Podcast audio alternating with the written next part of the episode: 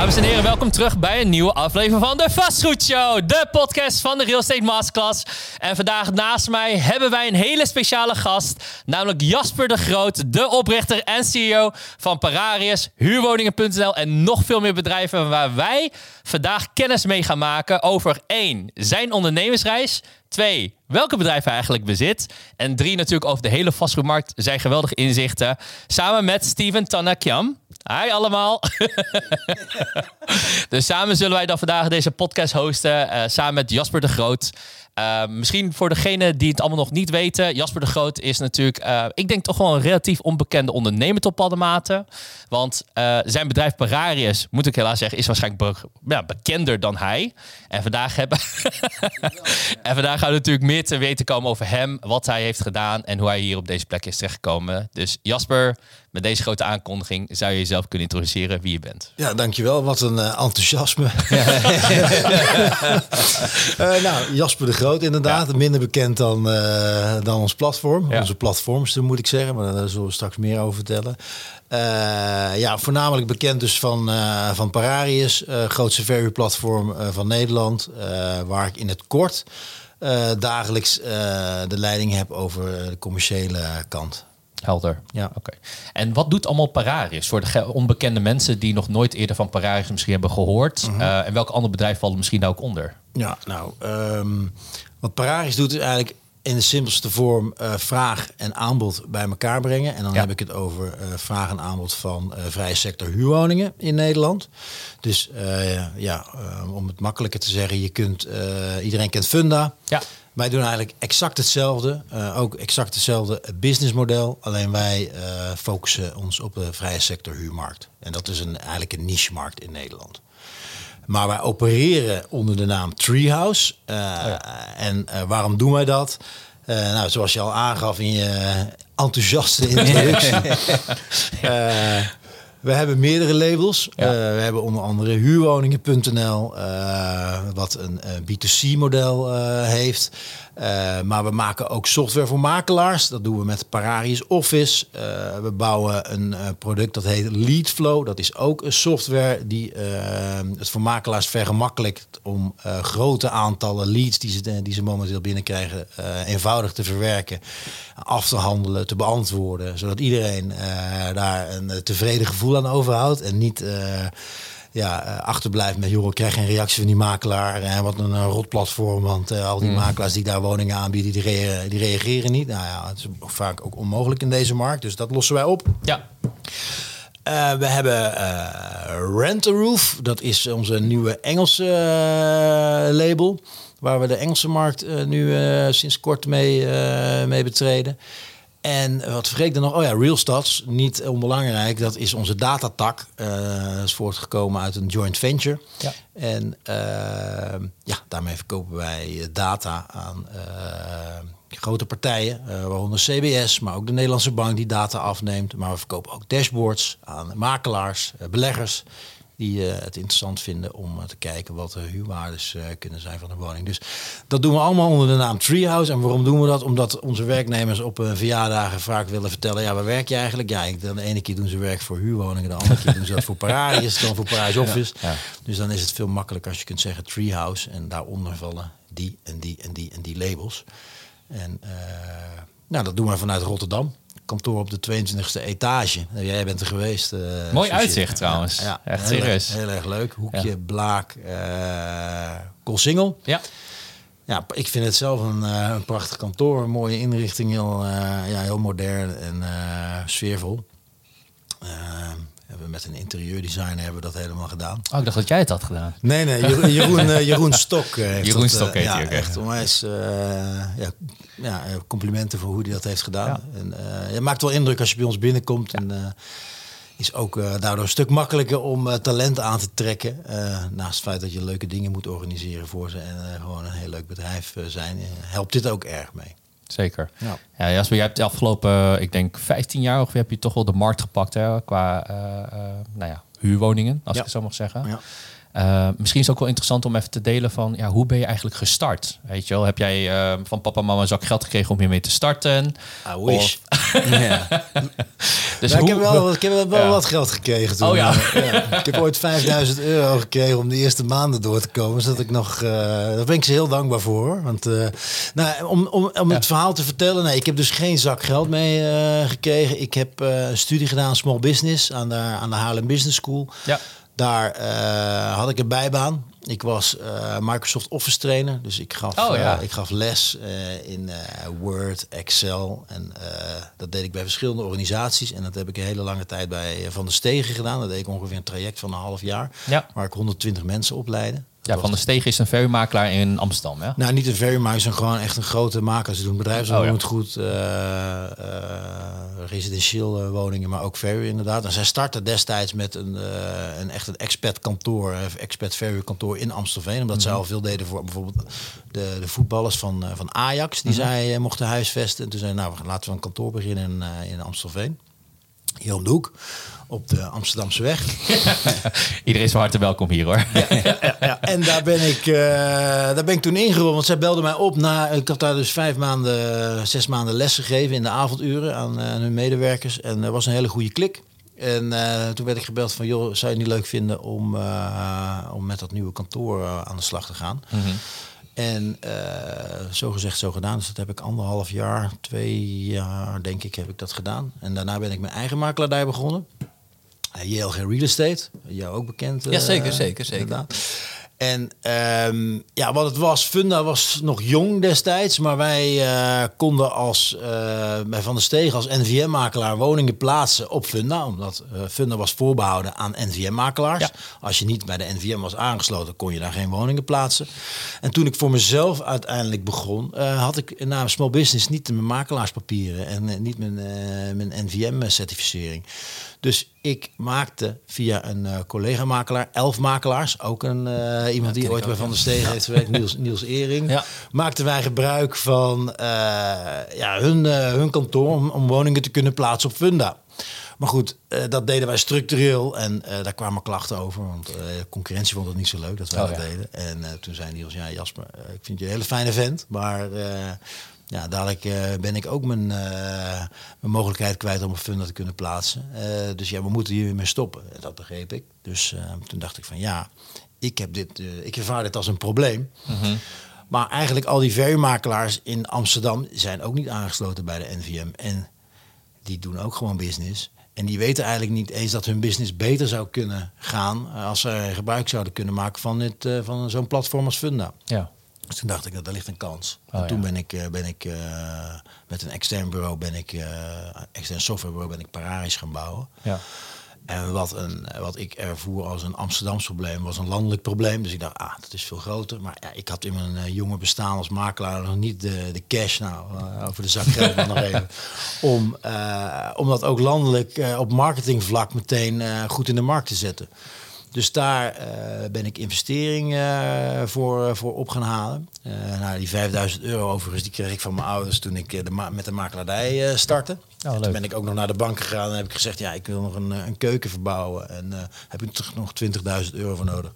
Terwijl ik in een huurwoning woonde. Dat kon, eh, dat kon destijds nog. Oh, ja, dus Oh, zo ja. had ik een beetje slack voor mezelf om, eh, nou ja, om in ieder geval eh, mijn eigen kostje te verdienen. En eh, dat is allemaal goed gegaan.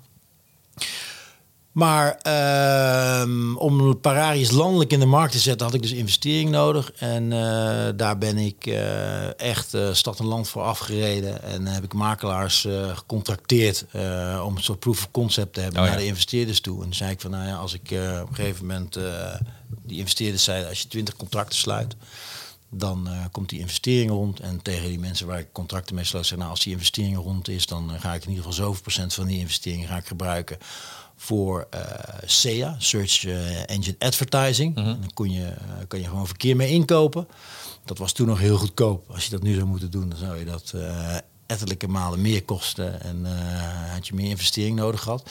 Maar toen konden we dat vrij relatief, of relatief goedkoop inkopen, waardoor we dus toen we die contracten hadden, investering rondkwam, ik me aan een belofte hield. 1 januari 2006 gingen we live, meteen verkeer ingekocht.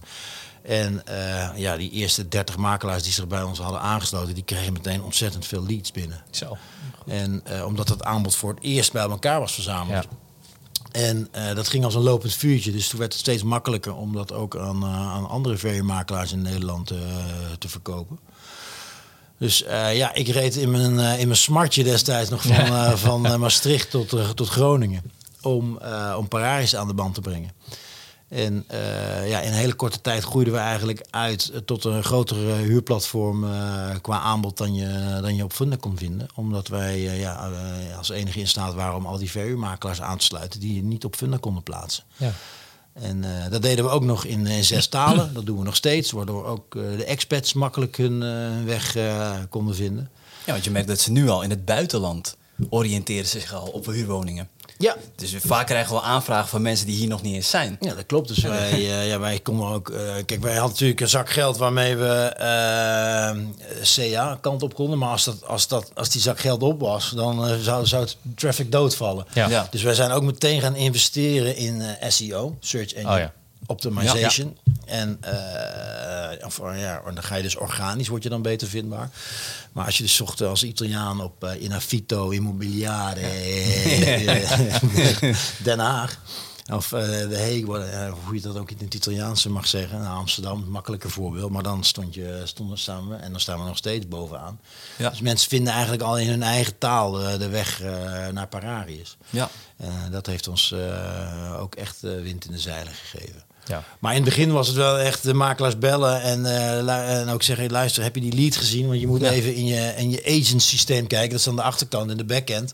Want er is iemand van Shell die heeft eh, gereageerd. En misschien moet je daar ook even Ja. op reageren. Dus we waren wel echt aan het growth hacken. En nieuwe makelaars die we aansloten, eh, was het ook echt zo van, ja, ze zetten niet in één weekendje al hun aanbod even wat ze op hun eigen website hadden staan op Pararius. Het, ja, wij deden pizzaavondjes. nou, dat was ik dan en een, en een salesmedewerker en een, eh, een IT die we extern inhuurden. Maar dan gingen we gewoon in de avonduren eh, aanbod kopiëren en het in onze eigen database zetten, zodat het netjes op Pararius stond. Oh ja. Totdat ze uiteindelijk elke nieuwe woning die ze dan binnenkregen zelf al gingen doen. Ja. Maar dan moest je echt growth hacken. Ja, ik snap hem. En dat waren de early days. Maar was Ja, hoe, was, hoe was het trouwens in die early days om huurwoningen te verhuren? Hè? Dan gaan we straks natuurlijk wel wat, tip, eh, wat bespreken. Was het makkelijk om huurders alsnog te vinden in die tijd? Ja, het was zelfs zo dat als bij ons op het Park, als er een Nederlander binnenkwam en zoek een huurwoning, zeggen ja, was een soort discriminatie eh, in een positieve zin. Maar ja, sorry, maar we vuren niet aan Nederlanders. Oké. Ja, dat, Ja. Was, eh, ja, dat stond toch een beetje in de kinderschoenen misschien. Ja. Maar in, zeker in een stad als Amsterdam eh, waren die experts altijd al aanwezig. En er waren best wel veel verhuurders die daarop inspeelden. Maar, Oké. ja. Je wil ook nog een vraag stellen? Nee, ja, inderdaad. Want je vertelt het heel luchtig. Maar je- volgens mij waren het echt lange weken, die, die lange uren, of ja, werkweken van eh, ja, 60 uur plus, denk ik. Als makelaar of Nou, nou, als, als, als Als bouwer begin- van het platform ja, van Paradius. Absoluut, absoluut. En je moet, eh, je moet van alle markten thuis zijn. Dus Ja. het is niet alleen eh, sales, maar vervolgens ook eh, ja, komen die makelaars met vragen. En die hebben verzoek, request for features. En er zijn bugs die opgelost moeten worden. En ja, op een gegeven moment hadden we een artikel in de Telegraaf staan. en ja, eh, ging de website plat, weet je wel. Ja. Dus daar waren we allemaal nog niet eh, op ingesteld. En het zijn allemaal dingen die je moet leren. En eh, ja, als, eh, als, als makelaar een softwarebedrijf runnen is, to, is totaal eh, is geen sinecure, zijn andere disciplines. Ja. Dus ja, je, ja, je leert continu. Ja, want je- hoe lang je, want je sprak over 2006. Hoe lang heb je erover gedaan om dan echt de marktleider te worden? Vanaf scratch, zeg maar de vlinder in de boxring, als start-up. En dan ineens nu de, het platform van huurwoningen. Ja, maar ik denk voor, eh, voor de huurmarkt was het na zes maanden was het klusje al geklaard. Ja, ja. Omdat gewoon het aanbod stond ver- Kijk, verhuur wordt echt gedaan door verhuurspecialisten. Ja. En eh Ja. NVM-makelaars die zijn, waren voornamelijk bezig met verkoop. En verhuur deden ze er een beetje bij. Ja, hier in Amsterdam waren er wel een aantal makelaars die dat ook wel echt wel, wel aanpakten. Maar nog steeds de verhuurmakelaars, die hadden verreweg het, eh, het grootste aanbod.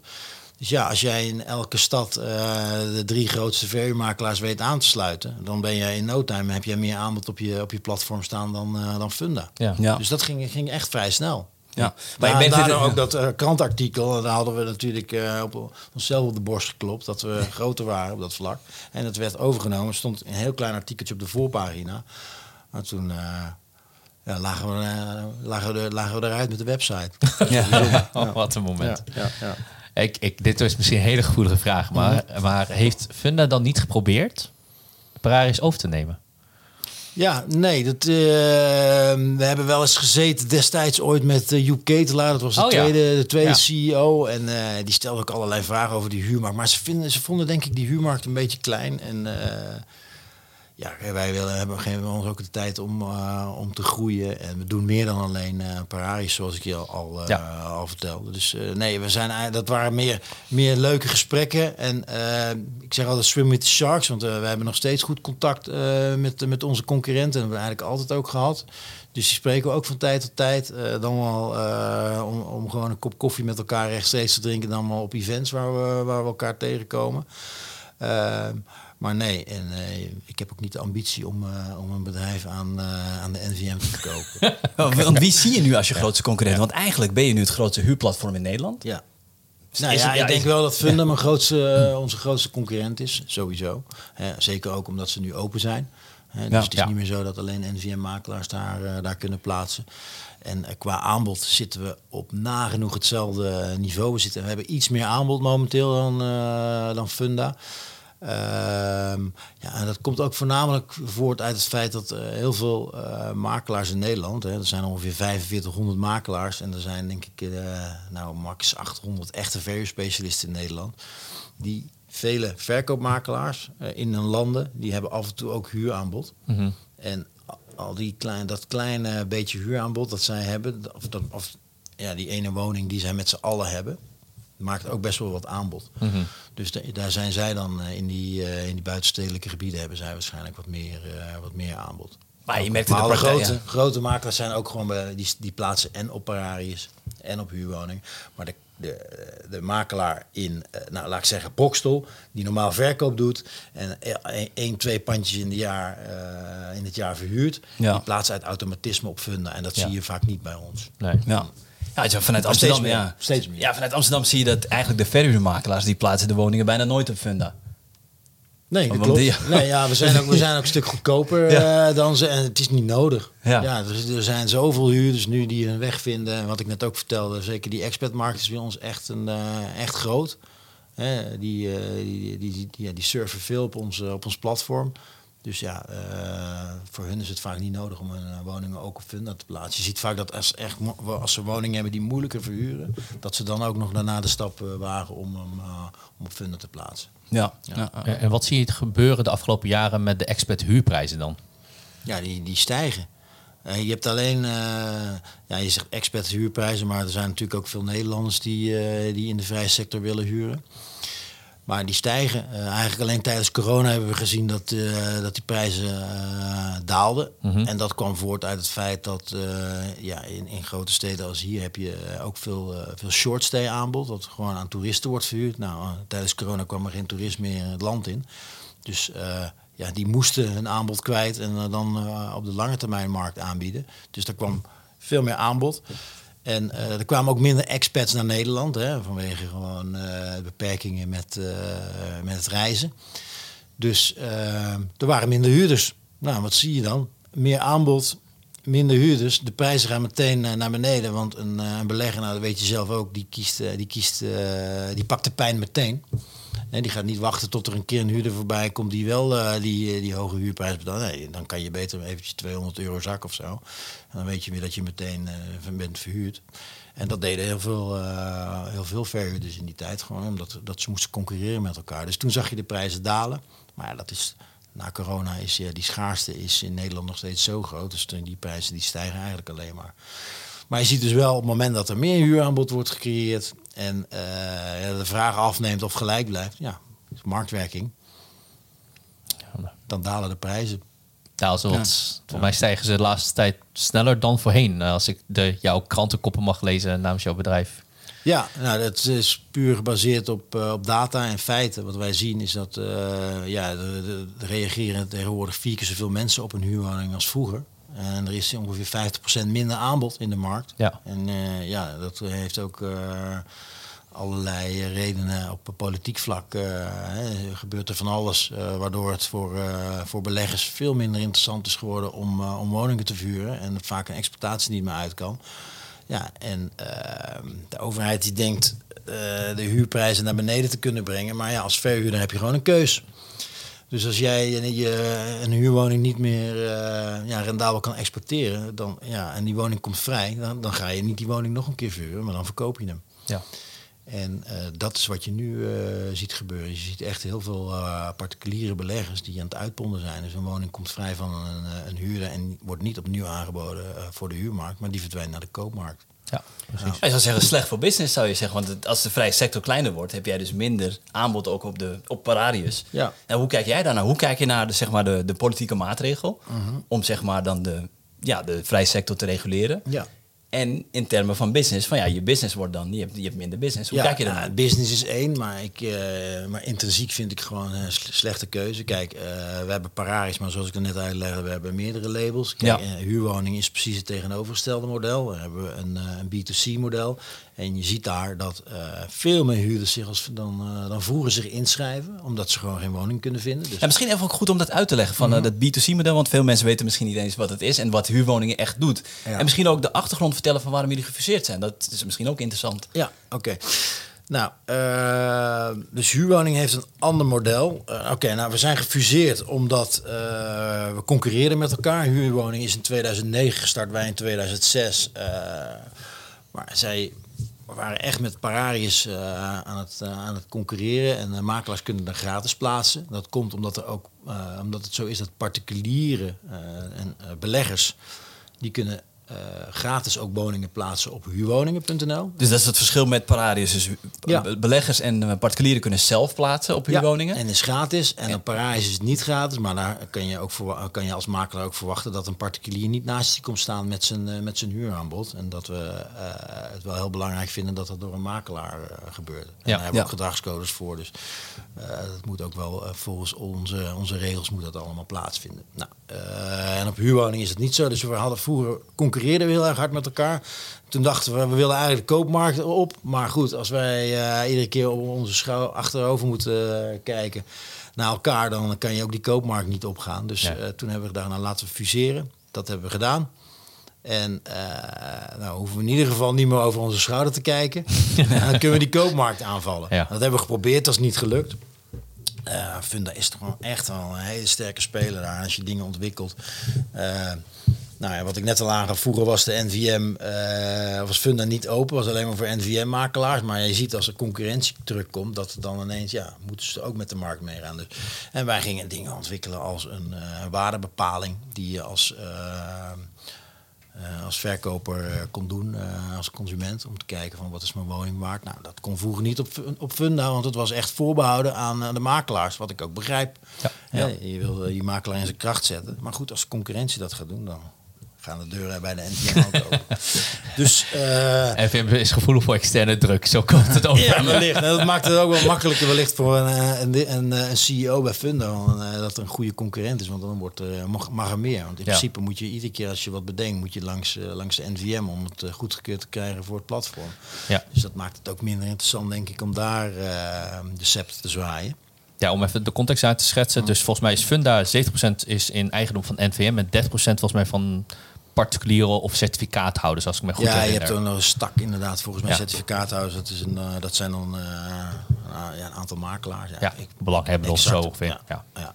Maar goed, dan moet je misschien aan de NVM vragen hoe dat, hoe dat precies zit. Hey, ik probeer nog steeds een interview te krijgen met de CEO van Funda, maar eh, de nieuwe CEO heeft nog niet gereageerd. Oh, oké. Misschien dat jij hem kent. ja, leuke kerel. maar Ik zou, ik zou hem zeker blijven bellen. Hij zal vast een keer komen. Maar nog even terugkomend op die, op die politieke maatregelen. Hè, van het verkleinen van de, de. Ja. vrije sector. Ja. hoe, hoe kijk je ernaar? Wat, wat, wat, Ja, is ik vind het een slechte zaak. Kijk, ik eh, kom, eh, ik, ik, lo- ik loop al lange tijd mee, maar ik heb nog nooit zoveel, eh, ik heb nog nooit zoveel meegemaakt als nu dat, dat vragen, dat ik word gebeld of benaderd door vage bekenden die, ja, die niet exact weten wat ik doe, maar dat ik, eh, dat ik wel in de, huur, in de markt voor huurwoningen zit. Die me benaderen van, joh, mijn- mijn buurvrouw ligt in, in een scheiding. eh, ja, ik heb het over jou gehad. eh, kun jij wat voor haar betekenen? Of mijn zoon gaat studeren in, in Delft. En ja, ik- dit is al de zoveelste woning die hij heeft bezichtigd. En we voldoen aan alle criteria. Maar er zijn nog 60 mensen die aan alle Ja. criteria voldoen. En ik kom er gewoon niet tussen. Dus ja, dat, dat merk je nu veel meer dan vroeger. En eh, ja, mensen zijn gefrustreerd en wanhopig. En eh, ja, ga ze maar helpen. Dat is gewoon niet te doen, dat is ondoenlijk. Dus ja, soms als ik dan zo'n makelaar ken en eh, dan kan ik nog een goed woordje voor hem doen. En dan wil het misschien nog wel eens lukken, maar dan kan ik voor die andere 59 mensen kan ik dat niet doen. Ja. En dat geldt voor, voor duizenden woningen in Nederland. Dus je kunt, je, nagaan, je kunt nagaan dat ik vind dat gewoon, ik vind intrinsiek gewoon een hele slechte ontwikkeling. Want ga maar na als jij eh, vanuit eh, het huis van je ouders eh, ergens anders gaat wonen, Ja. dan ga jij niet meteen in een koopwoning wonen. En als jij start hè, bij, als werknemer bij een bedrijf, dan wil jij, ben je niet meteen in staat om een woning te kopen. Met je, met je contract wat, eh, wat niet voor onbepaalde tijd is. En kan je, verdien je misschien weer te veel voor die sociale huurwoning. Dus er is onwijs veel vraag naar huurwoningen in de vrije sector. En daar is maar 8% van eh, in Nederland. Dus van de hele woningvoorraad is maar 8% een vrije sector huurwoning. En op dit moment neemt dat af. Ja. Ja. En, Ja. en het was aan het toenemen. Hè. Het ging best wel goed. We gingen van de 4, wat vroeger was het maar 4% In 2011, 2012 zijn we gegroeid, hebben we verdubbeld al. Ja, het is gewoon een lange termijn proces. Dat heeft tijd nodig. Ja, het gaat niet hard genoeg. Maar 8% is nog steeds te weinig om die klap op te kunnen vangen. Ja, dan moet je niet vervolgens die verhuurders daar de schuld van geven dat die prijzen zo hoog zijn. Dat is gewoon marktwerking. Ja. Ik verhuur zelf ook een woning in Amsterdam. Die heb ik ooit de noodgedwongen moeten verhuren in 2014 eh, toen ik ging verhuizen omdat die onder water stond. Ja, eh, dat begon op een, dra- een bedrag dat vele malen lager is dan het bedrag waar ik hem nu voor verhuur. En eh, dat is niet zo omdat ik nou het onderste uit de kan wil halen. Maar dat is gewoon omdat eh, zoveel huurders zich, eh, zich aandienen en aan, na een bezichtiging en met elkaar aan het overbieden zijn. Nou, dat Ja. was in de tijd dat ik aan het makelen was niet aan de orde hoor. Dan was het gewoon ad hoc werken. En elke bezichtiging die er was, dan, ja, dan reed, je er weer, reed je weer naar die woning toe. Ja, En dat kon soms wel, wel 15 keer zijn. Nou, tegenwoordig heb je eh, ho- hooguit twee bezichtigingsdagen. Ja. ja, dat zijn dan een Ja. uur, twee uurtjes of, of zo die, die dan worden ingepland. Dan laten ze iedereen langskomen. En het is, het is zoals bij, eh, bij in de koopmarkt in hoogtijdagen, wordt gewoon overboden in de Ja, huurmarkt. ja, ja, dat zien we. Ja, dat is bizar. Ik wist niet dat het bestond, maar het bestaat dus echt. En wat is er in jouw mening dan veranderd tussen, ik noem even vroeger, dan moet je even, misschien even definiëren voor de kijkers en luisteraars welke video dat was, Ja. vroeger, Vroeger. eh, versus nu dan. Want hè, het ook, een- als ik kijk naar, eh, ik heb een kortere carrière dan jou. Als ik kijk naar mijn afgelopen vier jaar, als ik kijk naar de vrije sector huurwoning waarmee ik begon, ja, het is volgens mij 30, 50 procent gestegen de huurprijs. Er wordt gewoon continu overboden. Ja. Ehm, en mensen hebben het wel eens vroeger over de vroeger goede periode gehad. Maar hoe was het dan vroeger? En welke periode Vroeger werd er niet overboden. Er werd nooit overboden. Eh, sterker nog, was, eh, het was, meer, was, was eigenlijk gangbaar om een woning eh, voor, voor ja, een procent of tien onder, die, eh, onder de vraagprijs te verhuren. Er was gewoon onderhandeling eh, was mogelijk. Dus er was, was toch minder druk eh, op, die, op die huurmarkt. En waardoor is die Minder druk ontstaan? Minder, vraag. Ja, er was meer aanbod. Er was meer. Ja, kijk, tegenwoordig blijven mensen ook gewoon eh, langer in die, eh, in die huurwoningen zitten. Ja. Omdat, het, eh, omdat ze ook wel zien dat het lastig is om iets anders te vinden. Dus de doorloopsnelheid, snelheid, eh, ja, al, al dat soort, al dat soort eh, factoren veranderen allemaal. Ja. Dus ja, er is minder aanbod en er is meer vraag. En ja, kijk, ook, kijk, je- ook als je naar de instroom kijkt hier in Nederland. Ja, dan eh, die druk op de huurmarkt, die, eh, die, eh, die vraagdruk, die wordt hoger en hoger. ja. Nou, Ik denk dat het aanbod ook kleiner wordt door ja, een stapeling van maatregelen. Overdrachtsbelasting, hu huur, middenhuurregeling, Mhm. opkoopbescherming. Ja. Afschaf van tijdelijke huurovereenkomst binnen. Precies. Misschien hè, in november komen we erachter, dus deze maand. Ja, Precies, die zorgen ervoor dus dat ja, het huurwoningaanbod in de vrije sector kleiner wordt. ja. Anderzijds zie ik dan in de praktijk dat daardoor, ik hou alle woningen aan, dus ik zie dat de woningen, de huurprijzen juist stijgen, doordat, Ja. door, ja, doordat eh, vraag en aanbod dus niet meer in balans zijn. Mhm. Ehm, maar hoe kijk jij naar al die maatregelen? Ehm, Ze zijn veel te eenzijdig. Ze zijn echt alleen maar eh, vanuit, het oog, eh, vanuit het oogpunt van de huurder bekeken. En ja, dat is voor een huurder natuurlijk klinkt als muziek in de oren. Ehm, maar als je, als je meer aanbod nodig hebt, dan kan je, moet je niet de, degene die dat aanbod verzorgen, dat je die van de markt drukt. En dat Ja. is wel wat gebeurt. En dat gebeurt eh, met de institutionele beleggers die Nederland nu even links laten liggen, omdat het gewoon te onzeker is. Dus is- het is instabiel. eh, ja, er wordt gesproken van een onbetrouwbare overheid. En voor de kleine particuliere belegger, die denkt van ja, ik kan nu nog in deze markt mijn woning misschien goed verkopen. Je weet niet wat uh, volgend jaar uh, gebeurt. Hè? Ook als je naar China kijkt met, met de Evergrandes en noem het maar op. Country ja, Garden moet je ook niet vergeten. Ja, je, weet, je weet niet waar het heen gaat. Ja. Ik kies eigen voor mijn geld. En ja. dat zien wij nu echt gebeuren. Je ziet, uh, je ziet, je ziet waar vroeger um, gemiddeld zo'n 3% van alle koopwoningen uit de, de verhuurmarkt kwamen. Dus dat was een voormalige huurwoning. Is dat nu 7%. Dat is enorm gestegen. Dus uh, 7% van alle woningen die te koop staan, is een voormalige huurwoning. Ja. ja er, blijft, er blijft niks over. Ja. Dus in plaats van dat je die markt aan het verruimen bent, ben je hem aan het verkleinen. Je bent, we zijn alleen maar uh, met segmenten aan het verschuiven, terwijl er geen woning wordt bijgebouwd. En het stimuleert ook niet uh, ja, om, uh, om te ontwikkelen, om te splitsen, om op te toppen. Wat allemaal nodig is, wat die particuliere beleggers, dat zijn er meer dan 900.000 in Nederland, die, die zouden daarvoor kunnen zorg dragen. Kijk, als je, er wordt vaak ook wel geluisterd door de politiek naar de institutionele beleggers, maar die, die doen maar 200.000 woningen in Nederland. Een veel ja. kleinere kleinere aanbieder. Ja. Nou, ja, we hadden net in de voorbespreking hadden het ook even gehad over het buitenland. Mhm. Want we gaan nu een kant op die eigenlijk in het buitenland al verkend is. Van het, weet je, het reguleren van het huurwoningaanbod. Mhm. We hadden het net gehad over Berlijn, over Barcelona, over Zweden. San Francisco. San Francisco. Londen. Londen. En ja, wat, wat heb jij daar gezien? En ja, wat, kijkend naar wat je daar hebt gezien. Wat, en dan terugkijkend op onze maatregelen. Ja. Um, ja, wat kun je daarover zeggen over het buitenland? Nou, het heeft daar helemaal geen zoden aan, uh, aan de dijk gezet. Uh, wat je alleen maar ziet wat je na uh, regulering krijgt, is dat de, de, woningen die, die niet gereguleerd zijn, dat stukje wat dan overblijft, daar, daar, ja, daar stijgen de, de, prijzen enorm hard, omdat, die, omdat ze nog schaarser worden. ja, kijk naar Londen. Uh, nou, wat ik je ook vertelde, we zijn ook in Engeland begonnen ja, met, ja, ja. Uh, met een nieuw platform Rent a Roof. Dat doen we op hetzelfde baan, ook met een B2C-model zoals huurwoningen.nl. Maar waar in uh, Nederland een woning nog gemiddeld zo'n 20 dagen online staat en je dus meer kans hebt om die woning te zien als huurder, is dat in Engeland, en dat is niet alleen in Londen, maar het is ook Manchester, Liverpool, Bristol. Daar staat een woning maar vijf dagen online. Vijf dus dagen? Vijf dagen. Dus in plaats van nu online, vijf dagen later is ze gevuld is en verhuurd. Ja. Dat is, dat is echt, bizar. Dat is echt bizar, ja. ja dus daar is, is die markt ja, eigenlijk ook uh, ja, naar de knoppen gegaan. En ja. uh, zie je ook schijn, als je, de, de, als je daar het nieuws ook leest, schijnende verhalen van uh, ouders met jonge kinderen die in een veel te klein appartement zitten en ergens anders willen. En ook aan het overbieden slagen, zijn geslagen omdat ze wanhopig zijn. Ja, ja. Dus eigenlijk de conclusie is dat het buitenland heeft al bewezen dat het, reguleren, ja, dat het niet werkt. Het reguleren van de huurmarkt ja. werkt niet. En wij gaan stoïcijns door. Ja. Oogkleppen op. En uh, ja, we kunnen leren daarvan. Maar uh, ja, kennelijk uh, ja.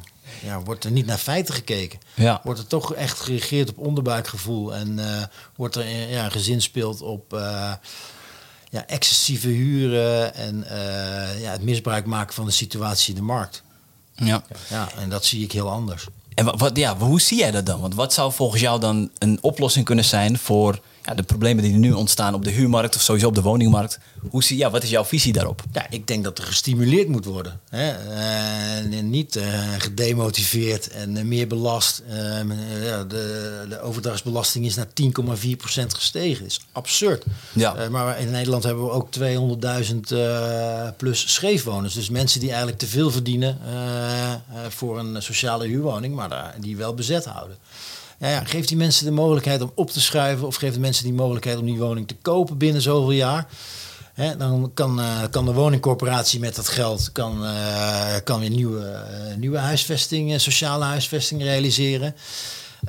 dat zijn dingen waar naar gekeken moet worden. Hoe, kijk naar het, het, werkelijk belasten van het rendement hervorm de, de Belastingdienst in, uh, in Nederland. Want we, kunnen, we, liggen, we vallen helemaal stil omdat we ja, op technisch vlak dingen niet, niet kunnen ondersteunen vanuit de Belastingdienst. Ik denk dat daar heel erg naar, naar gekeken moet worden. Ja. maar ook procedures. Versnellen procedure. Als een, als een ontwikkelingsplan binnen, de bestemming, binnen het bestemmingsplan valt Zorg dan dat het sneller goed wordt gekeurd. En dat het niet nog een keer door omwonenden bij, eh, bij de Raad van State komt te liggen, waar het dan weer een, een jaar ligt. En eh, voordat het überhaupt opgepakt kan worden. Ja, dat, Ja. dat, dat haalt zo eh, de snelheid eh, uit de woningbouw. Hè, als je bedenkt hoe lang het al duurt om eh, van, een, eh, van de tekentafel naar, naar een uiteindelijke bewonerssituatie te komen. Ja. daar gaan eh, jaren overheen. Dat is gemiddeld zo'n vijf tot zeven jaar. Dus ja, willen we, willen we vooruit, dan moeten, dan moeten dingen versneld worden. Ja. En ja, door allerlei korte, te- korte termijn oplossingen en symptoombestrijding ga, je, ga je er niet mee komen.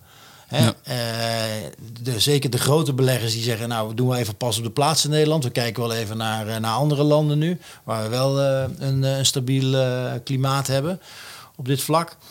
En ja, de kleine beleggers, zoals ik al aangaf, die trekken zich terug. Dat zien wij gewoon in, in de feiten. Terwijl de, de vraag alleen maar toeneemt. Ja, Ja. Het lost helemaal niets op op deze manier. Ja, zeker. Ja, jij wordt, eh, ik, ik zie, kijk, ik online zie ik jou op LinkedIn dat je daar heel veel artikelen over deelt met jouw visie, jouw mening. En dat vind ik veel, heel, eh, ja, ik denk dat er heel veel bruikbaars in zit, ook wat je net noemt. Hij is een grote volger. Ja, ik ben een grote volger, zeker. Ja, dat, dat geef ik toe.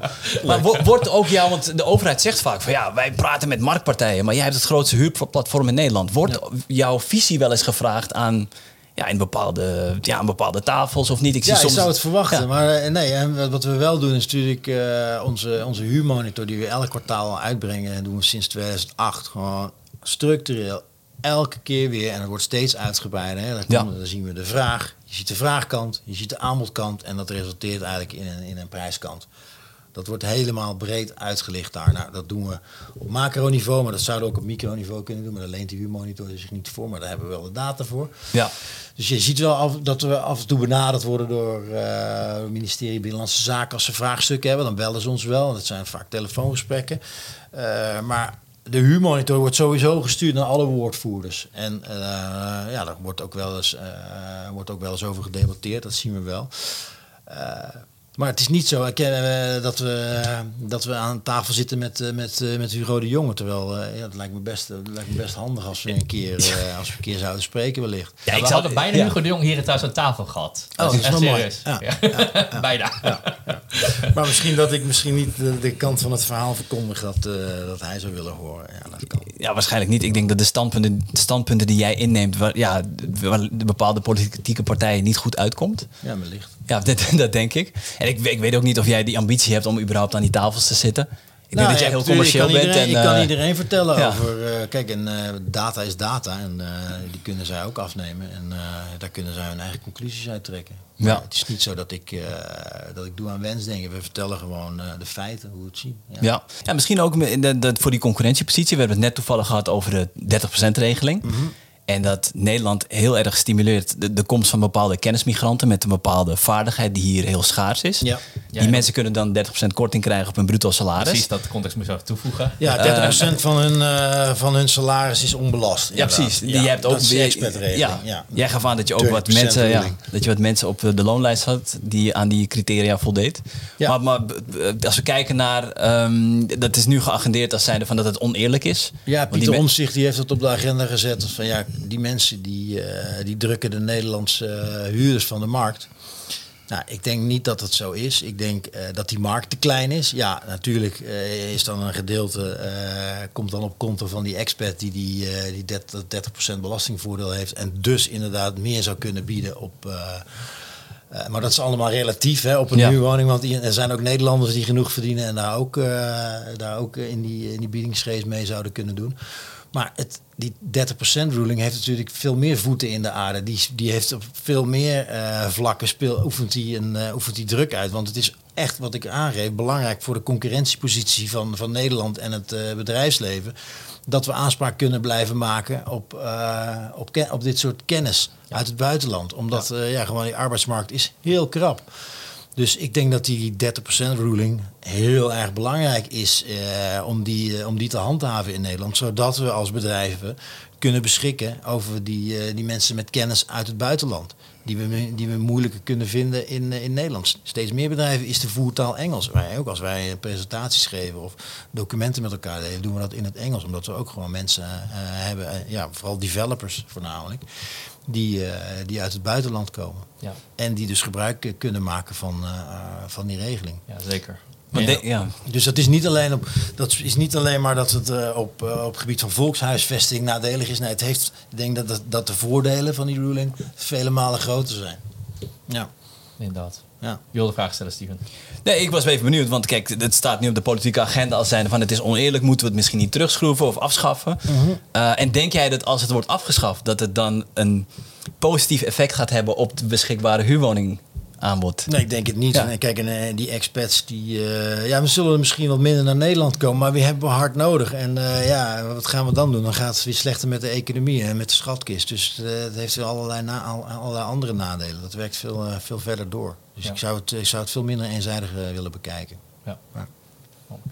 Hoe, misschien even om naar de afronding ook toe te gaan. Mhm. Ehm, als je kijkt naar waar je nu staat met Pararius, Ja. de marktleider. Je weet wat er gaande is in de markt. Mhm. Welke richting ki- kies je eigenlijk de komende jaren eh, op eigenlijk? Of waar wil je een, een, ja, een rol in spelen misschien? ja, wij kijken meer naar, eh, naar consumentenmodellen nu. Ook omdat die consument echt moeilijk vindt om, eh, om woningen ja, om snel te kunnen reageren en op te vallen. Dus daar kijken we naar. We hebben bijvoorbeeld een model nu gelanceerd dat heet Pararius Plus.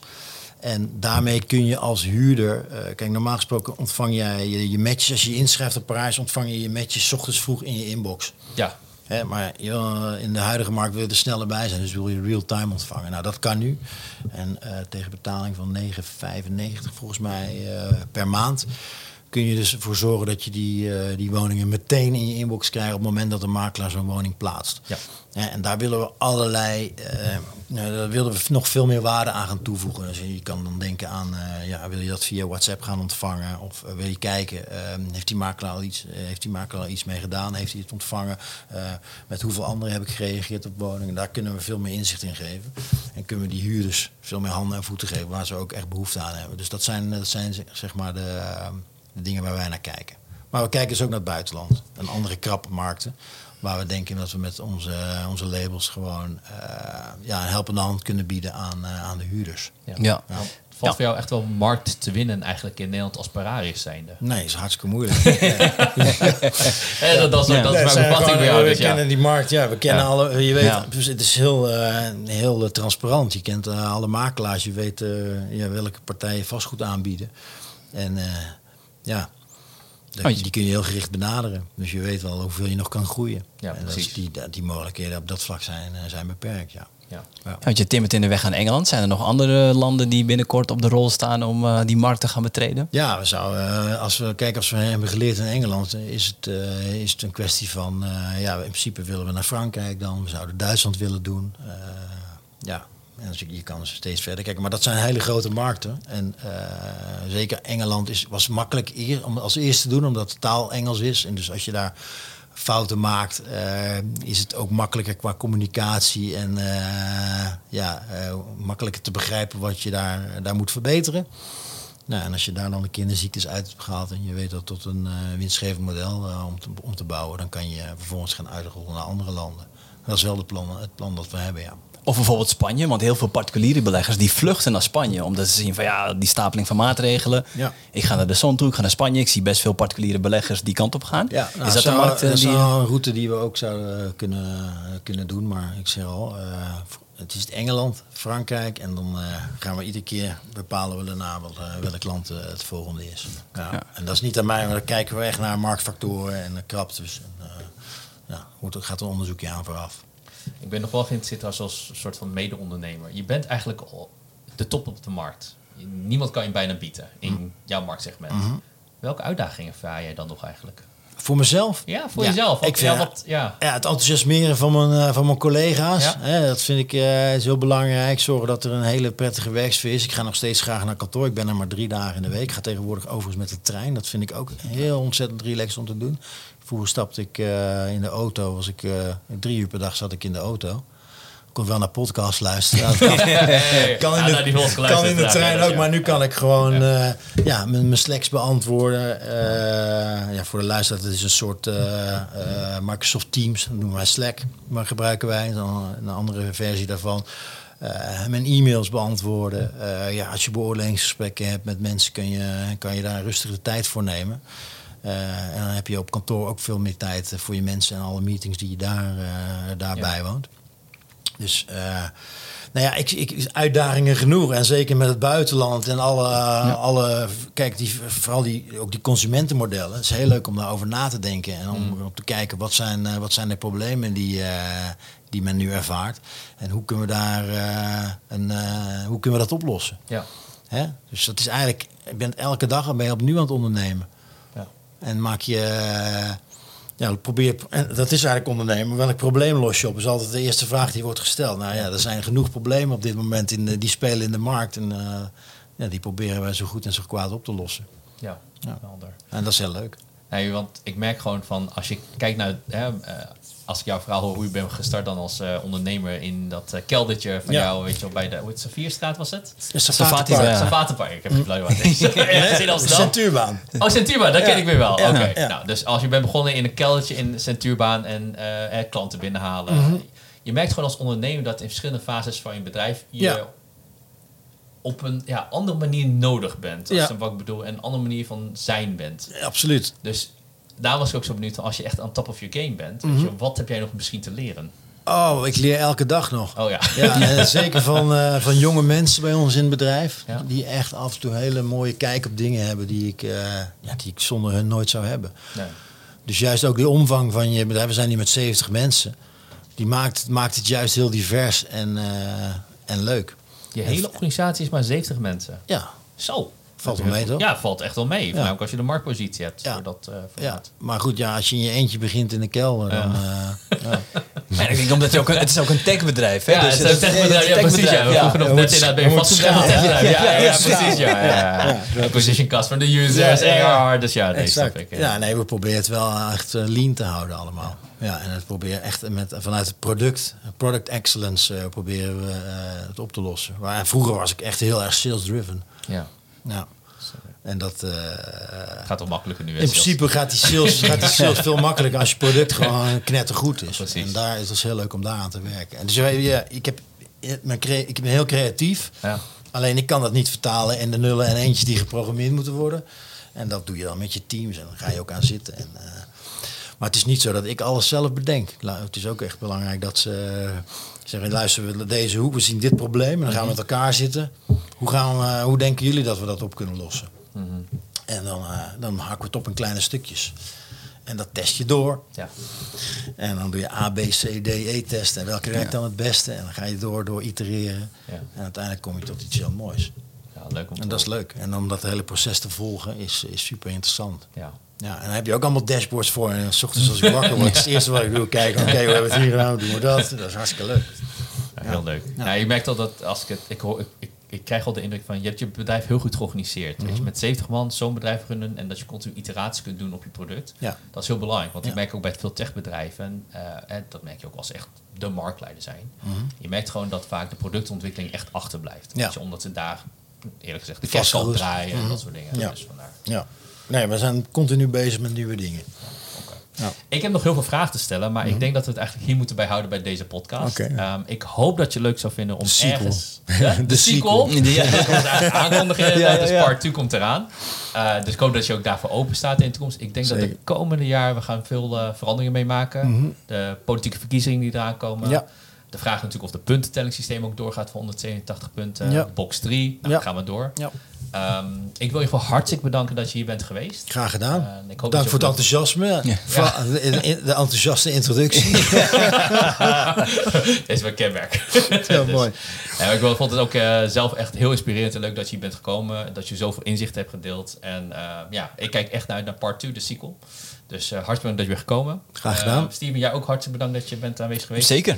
Volgens mij toch ook wel leuk op Jasper de Groot toch wel het echt Tuurlijk. ontmoeten. Nee, tuurlijk. Dus, de, eh, man, de man achter Paradius. Ja, precies. tuurlijk. Ja, Ja, ja, ja, ja. We ja. hebben het al vaak over jou gehad, dus daarom. Leuk. Dus voor eh, veel vastgoedinvesteerders toch wel eh, ja, een, een bron van inspiratie van, van kennis, denk ik altijd. Ook. Nou, Dus, leuk om te horen. Daar, daar doe ik het voor.